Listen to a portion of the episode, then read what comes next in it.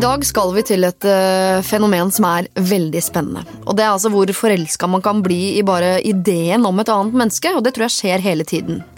Uh, man blir superforelska i noen man bare har chattet med. I løpet av 10-14 dager, tenker jeg, fra den første kontakten, så ble jeg uh, veldig, veldig forelska i han. Og etter hvert skrev vi også litt Altså det ble litt seksualisert eh, kommunikasjon.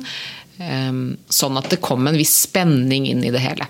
Så eh, kom jeg inn på eh, denne baren, eh, og jeg så med en gang at det var han og jeg så at det ikke var den mannen jeg hadde forelsket meg i. Vi skal eh, selvsagt også få høre hvordan Åse løste dette etter hvert, men nå må vi ta en eh, prat med panelet. Hun, hun vektlegger jo selv at eh, det var ikke så farlig at han ikke sendte bilder, fordi det handlet ikke primært om utseendet dem imellom.